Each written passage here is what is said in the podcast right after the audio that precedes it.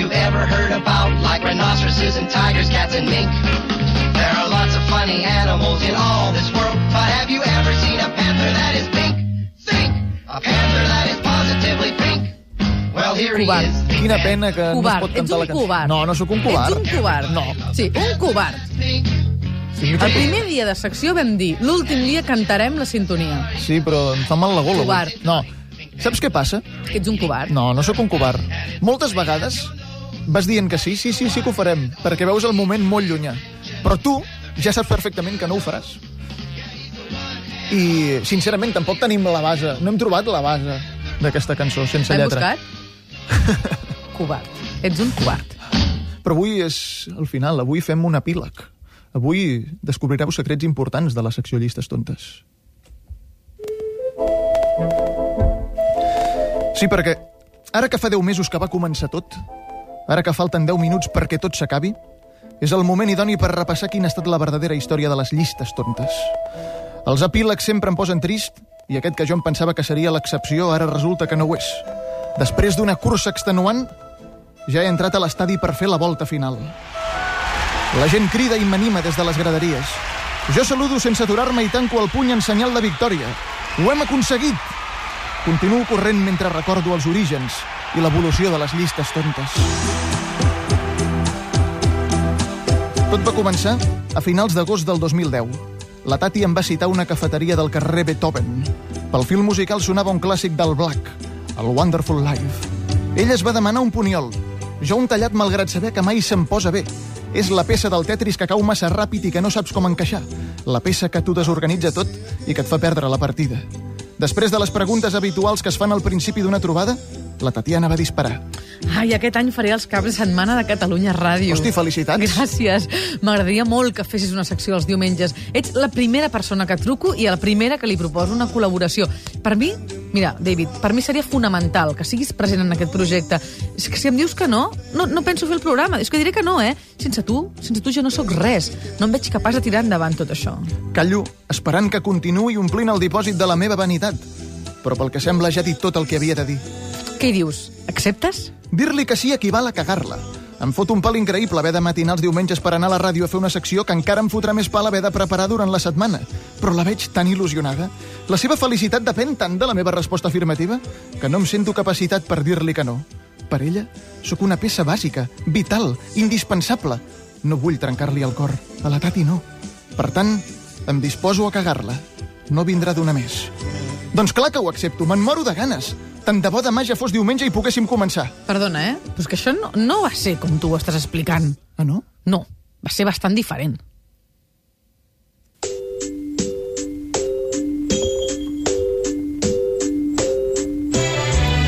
Tot va començar a finals d'agost del 2010. En David em va citar en una cafeteria del carrer Beethoven.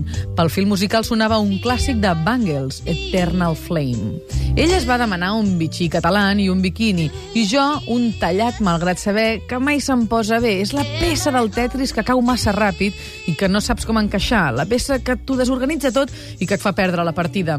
Després de les preguntes habituals que es fan al principi d'una trobada, en David va disparar. Escolta, m'ha dit un ocellet que aquest any presentaràs els caps de setmana de Catalunya Ràdio. Sí, l'ocellet t'ha piulat la veritat. Molt bé, no? Sí, sí, estic molt contenta. Mm. I quina secció podria fer jo? Com? Que quina secció podria fer jo al teu programa? Eh, David, mm, ho sento, eh, però no entres en els meus plans. Al suplement no hi ha lloc per tu. No m'ho diguis, això, Tatiana. Necessito fer ràdio. Necessito fer les meves xorrades en algun lloc del dial. Si plau, m'has de fitxar. T'ho faré per la patilla. T'aniré a fer la compra els dissabtes. Faré tot el que em diguis. Seré el teu esclau fidel.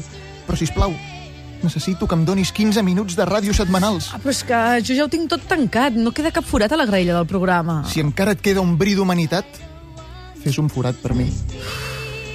Me'l miro i em fa pena. És un home acabat, que m'està demanant de genolls i amb les mans en posició de resar una trista secció de ràdio. El conec des de fa anys, el David, i és un tio enze i limitat, però que tampoc molesta massa. Va, mira, eh, el posaré els diumenges, a un quart de dotze ja està, no en parlem més. Em disposo a fer la bona obra del dia. Espero que els de dalt ho estiguin veient. D'acord, David, et fitxo. Faràs una secció que es dirà... Llistes tontes. Gràcies. Té, Què és això? la llista de la compra. A la una del migdia ho vull tot a casa i de passada rega les plantes, maco. Podríem discutir quina de les dues versions és la verdadera durant hores, però és inútil fer-ho. Mai arribaríem a dilucidar la veritat. Mai ens posaríem d'acord. És per això que sempre dic que en aquesta vida ho hauríem de tenir tot gravat en vídeo, perquè quan una cosa fa més de 15 dies que ja ha passat, és impossible recordar la versió exacta del succés. Cadascú té la seva visió dels fets. Les arenes movedisses de la memòria s'han encarregat d'engolir per sempre la realitat.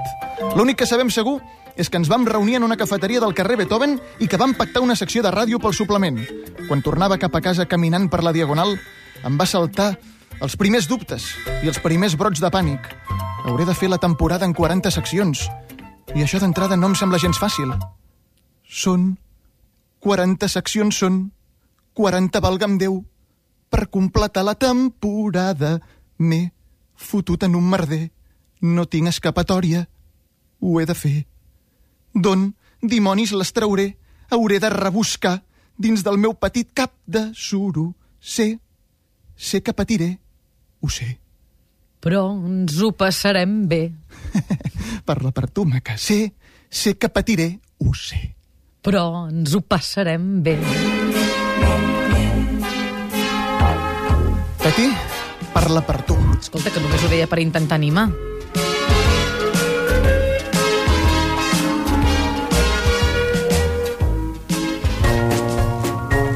Quan arribo a casa, em marco en un foli el full de ruta que seguiré durant els propers 10 mesos. El viatge és llarg i feixuc i he de buscar un itinerari que em permeti arribar el 17 de juliol sa i estalvi. Guardo unes quantes idees al congelador perquè es conservin i així poder-les fer servir quan les coses vagin mal dates. Començo fort, sobrat. Sempre arribo a l'estació amb 20 minuts d'antelació i tinc temps de seure a l'andana i llegir o pensar en les meves coses. Però a mesura que passen els mesos, les coses es van complicant. La majoria de dies arribo esbufegant a l'estació. Altres he de córrer per l'andana apartant a la gent i pujar el tren en marxa, cosa que em sembla d'una insensatesa brutal. No puc suportar el patiment. Ha arribat el moment de fer servir les idees que vaig posar al congelador al principi de la temporada. Merda! Qui ha estat el cretí que ha desconnectat el congelador? Les idees s'han fet malbé. S'han podrit totes. Han quedat inservibles. Aquesta potser encara la podré aprofitar algun dia. Les idees s'han d'executar en el mateix moment que les tens. Guardar-les en conserva i reservar-les durant setmanes o mesos és un error, perquè quan decideixes fer-les servir ja t'han deixat d'agradar i et semblen penoses, lamentables, pèssimes, desastroses, horribles. En plena ascensió el mes de febrer, transitant per les rampes més dures, em trobo amb dos mestres de l'enginy. Els podria atracar i fotre'ls i totes les idees a punta de navalla. Però no. Aniré de bones. No em vull guanyar mala fama dins del sector audiovisual. Nois, em podeu fer un préstec? Necessito 10 idees.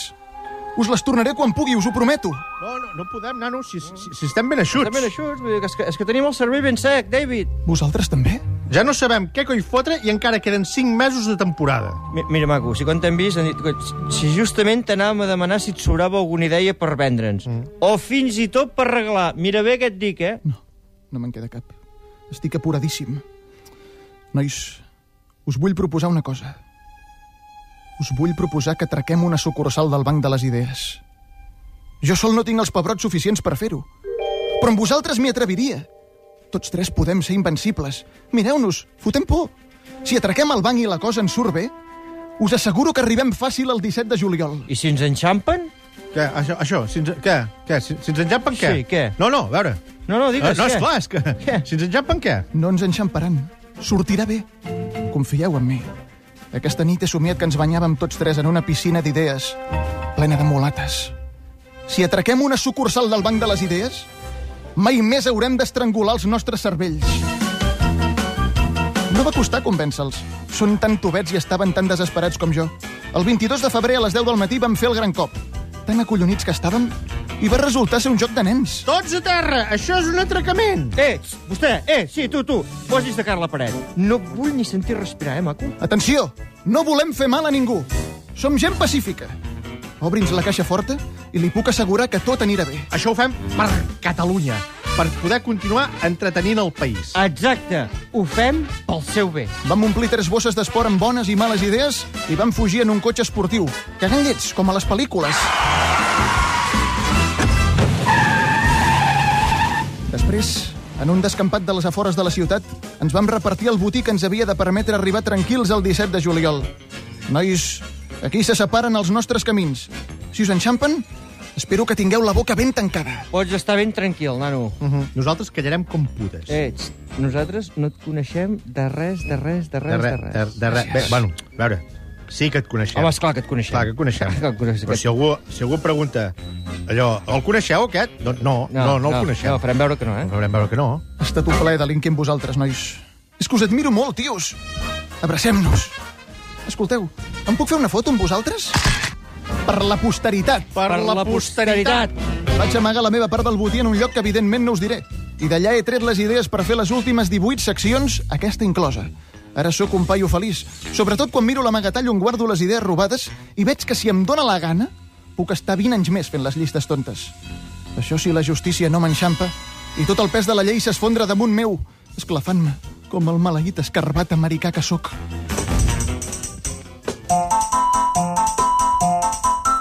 Dir avui, l'últim dia, Les veritats s'han de dir sempre l'últim dia, quan ja no hi ha res a fer. quan ja no hi ha res a fer. Ara ja no em pots fer fora. Per cert, vull agrair a algunes persones aquesta secció no s'hauria pogut fer. No, no, això és una cosa que s'ha de fer, eh? perquè, clar, és tot un any i hi ha molta gent que col·labora. Primer de tot, moltes gràcies a la Núria Coll, Uh -huh. perquè tu ho saps, sense ella aquesta secció... coordinadora no, d'aquesta No secció. s'hauria pogut fer perquè, clar, tu li dones la feina a una persona després d'escriure-ho i ella després ho ha d'estructurar tot i no ha estat fàcil. Gràcies, Núria, per tota la feina que has fet. Després, el José Luis Santiso, que sempre ha estat un home que crec que m'ha calat des del primer dia, perquè quan sortia sempre em felicitava per la secció. Sabent de la meva fragilitat, i això m'agradava molt, José Luis Santiso és un tio collonut i des d'aquí una forta abraçada per ell, sempre al peu del canó. Gràcies, José Luis. Gràcies. Després, evidentment, gràcies a tu, per confiar en mi, per deixar-me fer sempre el que m'ha donat la gana, sense posar-me cap trava, sense dir-me res del que havia de fer. Gràcies, Tatiana. Tercer lloc, eh? No, no, l'ordre no estic seguint cap ordre concret. I després moltes gràcies a tota la gent que ha col·laborat i ha posat la veu en aquesta secció, des de la meva estimada Elisabeth Wilcox, a l'Adrià Bas, Oh, tant. que m'ha posat moltes crac, veus en un mite. aquesta secció, la Dolors Martínez també, bé, i molts altre. altres que, que han anat posant la seva veu i que, i que els hi agraeixo molt, i després també, finalment, a tota la gent que ha escoltat aquesta secció, que no sé si són molts o pocs, però que suposo que algú hi haurà, i moltes gràcies per seguir-la i moltes gràcies per ser sempre a l'altre costat. I moltes gràcies al David Balaguer per haver-nos ofert aquestes llistes tontes durant tota la temporada, que acaben avui. Acaben avui. Acaben avui.